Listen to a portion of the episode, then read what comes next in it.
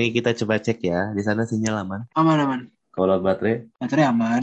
oke. Kalau hubungan, Aman juga. oh, aman juga ya. Nah, jadi ini kolaborasi yang kedua kita. Jadi ini gue masukin lo ke podcast Tanah Rantau. Tapi hitungannya sekarang udah nggak nggak lagi kan lu? Udah enggak. Sekarang udah balik lagi ke Bekasi. Ah, kenapa tuh? Udah males ngerantau lagi? Ya emang mau nyari kerja di ini juga sih di daerah Jakarta. Hmm, oke mari kita mulai dengan coba introduce yourself dulu, kenalin diri lo nama, siapa, nama lu siapa, umur lu berapa, dan sekarang kesibukannya lagi ngapain. So, Oke, eh, perkenalkan nama gue Adit Ezekiel Aditya. Bisa dipanggil Adit, umur 24 dan kesibukan gue sekarang eh, bekerja. hmm, kerja banyak nih kerja, kerja di kuli kah, kerja di apa? Kerja sebagai eh, bisnis analis di salah satu bank swasta. Hmm, oke oke siap. Jadi ini gua mengajak lu ke podcast Rantau untuk membahas atau menceritakan kembali pengalaman lu kemarin merantau di kota Surabaya ya, betul ya? Betul, gue ke Surabaya. Oke, siap. Di satu perguruan tinggi negeri yang bisa dibilang salah salah satu bagus juga ya. Ya, termasuk apa eh, PTN inilah PTN yang cukup ternama. Oke, siap. Nah, coba lu eh, ceritain dong, lu kenapa masuk ke kampus tersebut dan lu pakai sistem apa kemarin? Apa jangan-jangan pakai orang dalam? Astaga. Enggak, gue masuk jalur eh, mandiri. Hmm, mandi sendiri, oke. Mandi sendiri. Enggak, itu jalur jalur terakhir lah ya, jalur mandiri yang setelah eh, SBMPTN. Kebetulan memang eh, gue nggak dapet nih di SBMPTN. Dan akhirnya kan masih mau ngejar ke PTN dan gue nyoba beberapa jalur mandiri di universitas-universitas negeri. Dan salah satunya dapet di eh, Surabaya itu. Dan akhirnya gue milih di ITS Surabaya. Oke, jurusannya apa kalau boleh tahu kemarin? Mungkin ini akan sedikit banyak orang sih yang nggak begitu familiar dengan jurusan ini. Gue jurusan teknik eh, metalurgi. Wah, Pernah denger gak? waduh, bisa jadi part kedua nih nanti nih. Oke, nah jadi kan tadi kata lu kan eh, masuk ke ITS jalur ujian mandiri. Kenapa ya bisa dibilang mungkin fenomena termasuk fenomena ya yang gua bisa ngelihat dari ya dari angkatan kita masuk tahun 2015 sampai yang sekarang-sekarang ini yang lagi heboh heboh yang lagi heboh-hebohnya masuk TikTok yang kayak pengumuman SBM, pengumuman UM di kampus-kampus itu menganggap bahwa saya ujian mandiri itu merupakan salah satu orang kaya gitu. Tapi menurut tuh merasa kaya gak dirimu?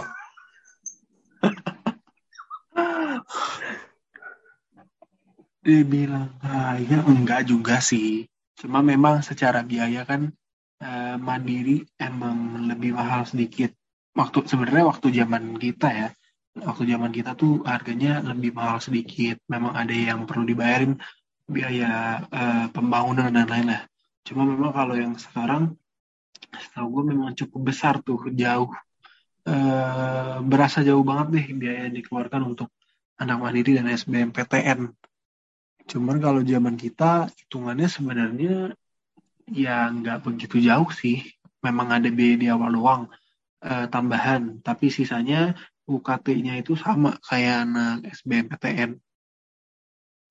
Hmm, gitu. Berarti hitungannya lu masuk KT yang keberapa? Satu, dua, tiga, empat. Oh, ini golongan. Nah iya, maklum. Gue kan gak PTN jadi gue lupa namanya. Oh, kalau golo- kalau golongan eh, otomatis memang dulu anak mandiri itu kena golongan 6 kalau nggak salah. Pokoknya memang langsung eh, harga maksimal ya. Nah, untuk responnya bagaimana? Untuk orang tua lu, respon akhirnya anaknya merantau ke Surabaya. eh yang pertama seneng ya, karena seneng banget anak terima di PTN. Itu keluarga gue, eh, nyokap gue terutama seneng banget. Cuman kalau respon gue ke Surabaya, mungkin nggak terlalu apa ya, nggak terlalu heboh banget, karena memang abang gue juga merantau ke Surabaya. Jadi begitu anak keduanya ke Surabaya, mungkin oh ya udah gitu. akhirnya dapat PTN dan gue Surabaya-nya nggak begitu eh, apa ya khawatir lagi karena memang dari abang gue udah di sana juga itu Hmm, emang kalau boleh tahu abang lu ngerantau ke kota mana? sama satu kota kita satu juru satu universitas Tapi beda jurusan.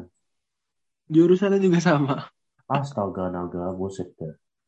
Ya Hmm. mungkin lu dapat informasi tentang ap- apa yang lu apa lu uh, kuliah kemarin itu dari abang lu berarti ya. Iya, malah pertama kali dengar jurusan itu dari abang gue sih. Oke oke siap oke siap. Ah berarti di sana udah eh dulu di Surabaya empat tahun atau mungkin eh, nunda? Eh, Empat tahun pas gue lulus kuliah empat tahun. Oh gitu oke. Pas lu kemarin ngerantau ke Surabaya, lu merasakan kata shock gak? Eh, terus show, iya jelas banget sih karena eh, cukup berbeda di Jawa Barat, di Bekasi dengan eh, di Jawa Timur. Mungkin yang paling kelihatan itu pertama terkait eh, etika. Mungkin karena di sana memang mayoritas orang eh, Jawa juga, etikanya tuh mungkin lu akan kaget saat lu merasa kayaknya ini waktu di Bekasi ini udah termasuk sopan deh. Eh ternyata di sana tuh enggak gitu. Contoh, contoh ya. Misalkan kita eh, lagi naik motor, terus kita bingung jalan. Kan biasa kita akan berhenti ya, berhenti nanya ke orang nih, "Eh, Mas nih jalannya ke mana nih gitu. Nah biasanya kalau di Jakarta atau Jawa Barat lah ya, biasanya kita berhenti eh, posisinya kita mungkin masih di atas motor gitu masih di atas motor, cuman kita mendekat ke orang yang mau kita tanya dan kita tanya, ini arahnya ke mana gitu. Dan itu termasuk eh, jatuhnya sopan. Karena yang penting selama kita ngomongnya dengan intonasi yang memang eh, baik ya, bukan antang. Nah, tapi kalau di sana di Jawa Timur itu bisa dianggap gak sopan. Hmm. Jadi kondisinya itu yang sopan, mungkin lo harus sampai eh, turun dari motor dan lu baru eh, berdiri deket dia gitu, baru nanya pelan-pelan. Hmm, Iya, itu mungkin berasa banget ya untuk orangnya Jawa Barat kayak, oh sebegitunya gitu ya. Etikanya memang eh, cukup sopan santunnya itu di sana tinggi. Hmm, oke. Nah, kalau saya untuk mengenai shock lebih ke iklim, bahasa, atau mungkin makanan, apa gimana gitu. Oh iya, itu juga bahasa juga iya, iklim juga iya. Iklim sebenarnya di Bekasi kan memang panas ya. Di Bekasi juga termasuk panas di Jakarta. Tapi kalau misalkan nanti mungkin suatu saat lo punya kesempatan ke Surabaya, eh, mungkin lo akan kaget dengan panasnya Surabaya. Karena luar biasa panas banget, Ban. Panas banget. Kalau misalkan lo siang keluar eh, di Surabaya, itu lo akan ngerasa panasnya tuh ini banget gitu, nyelekit banget ke kulit. Hmm, bener-bener panas banget. Dan terkait bahasa, eh, karena di sana juga ini kan ya, mayoritas Jawa, eh, lu akan sering denger orang-orang tuh ngomong dengan bahasa Jawa sehari-hari, entah ngobrol biasa, entah lo lagi eh, belanja atau mau beli makan gitu, itu akan berasa. Mungkin awal-awal waktu gue nyampe di Surabaya juga, gue cukup kaget karena eh, kita lagi ngobrol santai aja gitu sama temen eh, sebaya sama teman kuliah, mereka kan sering pakai bahasa Jawa dan awal-awal gue banyak gak ngerti sih dengan bahasa itu.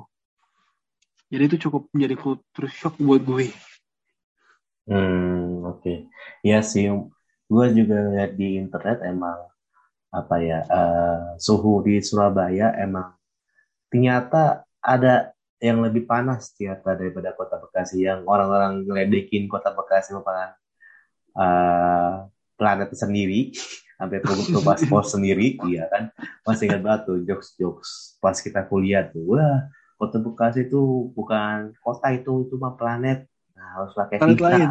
iya planet lain harus pakai visa harus pakai paspor dan ternyata eh, lu sendiri sebagai tanda kutip mantan apa ya perantau dari Surabaya ya merasakan hal tersebut gitu loh. Tapi pas saya di Surabaya kalau boleh tahu panasnya panas apa? Panas terika atau panas lembab atau panas karena angin dari air laut kayak nggak mungkin.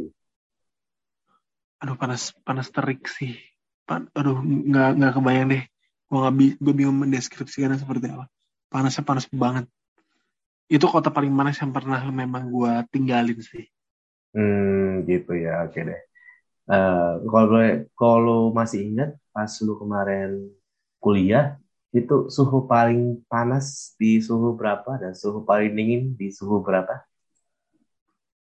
Aduh, gue gak pernah cek suhu sih ban kalau ini. Cuman gue merasakan memang panas banget. Ya lebih lah pasti panasnya dari Bekasi. Oh gitu. Bahkan di malam hari tuh bisa panas, bisa berasa panas juga ya. Hmm, gitu ya. Oke deh, oke deh.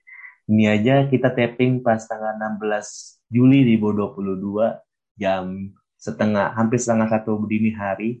Sama kampret ini lu lanjut tapping malam-malam. Jam setengah satu dini hari ya suhu sufokasi lumayan lah. Ada di suhu 28 27 lah. Nggak terlalu panas nggak terlalu dingin. Gitu lah hmm. ya kan? hmm. lu nggak ya. ya ngurus nggak apa tuh ngerasa begitu kan? Nggak terlalu panas nggak tapi nggak terlalu dingin juga kan iya kalau malam ya tapi di Bekasi jujur siang sampai sore berasa lebih panas sih sekarang mm -mm. Tapi kalau saya lu kemarin masih inget gak fasilitas apa sih yang lu dapatkan ketika merantau ke sana kemarin? Misalnya dalam artian kayak orang tua lu ngesediain lu motor buat pergi ke mana-mana, atau mungkin lu pas kemarin pas mau skripsian disediain printer apa gimana gitu? Oh, kalau fasilitas motor iya, karena memang butuh transportasi ke mana-mana. Uh, ya standar lah ya. Ya pokoknya ada ya ada kosan. Kosan juga udah lengkap. Ada kasur meja lemari. Cuman kalau dari Bekasi paling um, motor doang sih. Printer juga nggak ada. Um, lebih sering ke uh, warnet-warnet untuk ngeprint. Sama paling fasilitas ya kalau orang tua biasa nyediain makanan sih ya. Kalau misalkan apa baru baru baru dari Bekasi nih terus mau mulai semester baru kan biasanya tuh ini suka dikasih makanan dikasih bekal makanan lah ya. Paling gitu sih kalau secara fasilitas. Hmm. tapi lo kemarin pas lo kemarin merantau ke Surabaya berapa kali balik hmm. ke Bekasi? Uh, eh, gue balik selalu waktu libur aja sih. Jadi ya berarti dua dua kali lah ya dalam setahun. Setiap hmm. libur setiap libur setelah semester itu gue balik. Jadi gue nggak pernah sih kalau balik yang di tengah-tengah semester berjalan perkuliahan tuh enggak oh berarti nggak terlalu apa ya nggak terlalu homesick banget tapi nggak terlalu harka banget ya semua tua ya. Iya Oke. Okay. Hmm. Nah, kuasa untuk beban hidup kemarin boleh spill berapa? apa nih ini apa uh, per bulan iya beban hidup dalam artian kayak lu uh, tiap bulan hmm. bayar kos apa gimana terus untuk biaya makannya gimana transport gimana oh um, kalau kos gue bayarnya per tahun itu gue termasuk dapat yang murah sih karena itu juga kena harga delapan setengah atau sembilan per tahun. Itu murah banget termasuk murah banget. Kalau makan di Surabaya itu termasuk uh, harganya murah. Mungkin karena gue juga nyari makanan di daerah uh, ini ya kampus ya. Ya paling lu sekali makan itu bisa 8 ribu aja lu bisa makan banyak di Surabaya gitu. 8 ribu, 15 ribu itu udah banyak banget. Ada, ada sayur, dua lauk, ada dapat daging jadi termasuk murah banget sebenarnya di Surabaya transport juga ya paling sehari bensin kurang lebih ya maksimal sepuluh ribu sih. Hmm, gitu ya oke. Kemarin lu berarti empat tahun nggak pindah-pindah kosan ya? Apa sering pindah-pindah kosan? Nggak, nggak pernah. Gua empat tahun di kosan sama. Oke, jadi kita spill dulu ya. Jadi ini ceritanya si Ezekiel ini dari tahun 2015 sampai tahun 2019 ya. Jadi Ya, mohon maaf sebelumnya kalau saya cerita ini tidak terlalu relate kepada para para perantau yang ingin merantau ke Surabaya. atau mungkin mencari informasi eh gimana sih beban hidup di Surabaya setidaknya cerita ini sedikit ada apa ya nggak terlalu lihat ya nggak tahu mungkin harga naik atau gimana sih juga kurang ngerti yang tadi lu bilang juga harga makanan 8 ribu udah puas ya mungkin sekarang di era corona atau mungkin pasca corona ini ya harganya sudah makin menaik kita juga nggak tahu. Bisa jadi naik. Bisa jadi naik. Ya makanya gue jadi spill dulu gitu lah. Mm -hmm. nah oke. Okay. um, selama lu ke sana sebagai anak rantau nggak mungkin lah uh, anak rantau itu tidak mengunjungi daerah daerah-daerah yang dia rantauin kayak kayak gue kemarin kan gue kemarin kuliah di Bandung rantau di Bandung selama empat tahun. Ya gue masa iya gue nggak jalan-jalan di sekitar Bandung gitu. Walaupun itu ya Bekasi Bandung juga deket ya tetap aja. Gue juga jalan-jalan. Tapi kalau saya dulu kemarin ke Surabaya ke mana aja? Ke Surabaya cukup cukup banyak yang gue jelajahin. Uh, ada di Surabaya ya? Banyak museum museum kapal selam museum uh, pahlawan itu ada. Itu gue sempat mampir ke sana. Terus uh, apalagi ya? Sebenarnya di Surabaya itu tuh kurang lebih sama kayak Bekasi ban. Jadi nggak begitu banyak wisata lebih banyak mall. Banyak banget mall di Surabaya.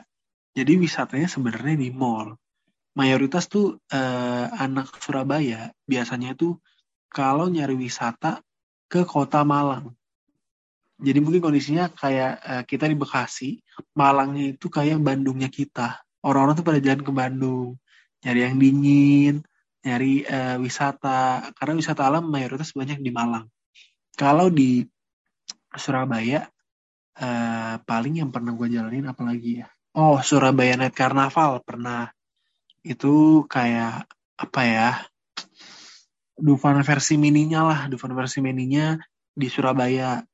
Terus ada uh, aduh gue lupa sih apa namanya. Cuman uh, kan dekat pelabuhan ya. Jadi ada satu destinasi pelabuhan. Gue lupa namanya apa. Surabaya North Quay kalau nggak salah. Itu emang bisa ngelihat eh, bagus lah tempatnya. Untuk foto-foto untuk destinasi cuman dia memang sebelahan dengan pelabuhan jadi mungkin lo bisa ngelihat uh, bo apa ini ya bongkar muat kapal di situ juga bisa. Terus hmm. apa lagi ya? Ya mayoritas itulah kurang lebih yang gue jalanin. Iya sih betul. Berarti cerita lu emang fakta. Dat, uh, soalnya gini bro, kemarin gue sudah tapping dengan pembicara gue. Dia itu hmm. uh, asal dari Bandung, dia ngerantau untuk mencapai cuan di kota Surabaya. Jadi dia yeah. Iya.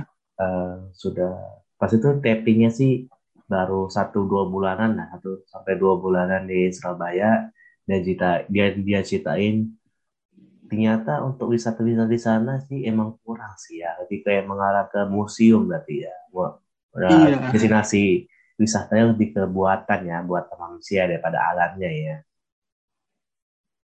mm -mm. Kurang kurang alam di Surabaya iya waduh berarti hitungannya kurang piknik berarti ya Iya, makanya gue kalau ini suka jalan-jalan ke Malang. iya sih, Malang ya kita tahu lah ya suhunya dingin ber ya 11 12 lah hitungannya kayak kita di Bekasi lebih banyak ngalah apa tuh jalan-jalan ke Bogor atau ke Bandung buat dapat dinginnya. Iya, iya. Iya, iya, iya, oke, oke, oke. Tapi uh, selama di Surabaya nih, kita di Surabaya dulu aja deh. Kayak ini emang fokusnya untuk ke Surabayanya. Uh, lo pernah nggak sih ke suatu destinasi wisata di kota Surabaya, tapi untuk aksesnya ke sana tuh susah banget gitu loh. Di Surabaya, jujur nggak ada sih, man. Maksudnya semuanya tempatnya itu uh, mudah untuk diakses. Karena memang udah uh, hitungannya urban city banget sih. Karena Surabaya itu udah kota banget kota yang rapi. Jadi semua destinasinya terhitung gampang untuk diakses. Hmm ya ya ya soalnya kalau masih ingat gue ingat ingat banget gue tuh Surabaya, Kota Bandung itu merupakan salah satu kota yang kreatif banget sih. Dari urban city-nya, kotanya dari segi arsitekturnya mungkin atau mungkin PWK-nya dalam artian perencanaan wilayah dan kotanya itu emang bagus banget sih. Nah, masih ingat banget gue tuh. Oke, Hmm, betul. Nah, ah, makanya kan Bu Risma kemarin ya, Bu Risma sama Ya, Pak. Ridwan Kamil itu emang top banget lah kemarin pas menjadi gubernur Surabaya dan kota Ban eh kota Bandung ya, eh gubernur Bandung sorry. Nah, Ya. Eh, mungkin untuk tap- tapping kita pas pertama ini untuk membahas tentang perjalanan merantau lu di kota Surabaya yang bisa dibilang sesingkat ini.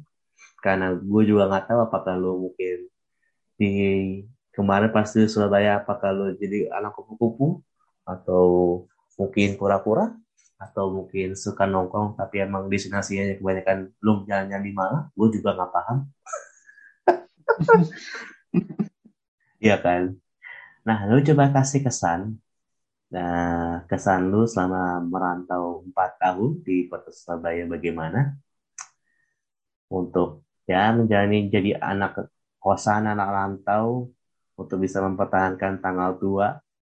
Ya mungkin lu bisa ya kasih tips-tipsnya juga bagaimana untuk bisa menjaga uang lu ketika pas tanggal tua seperti apa.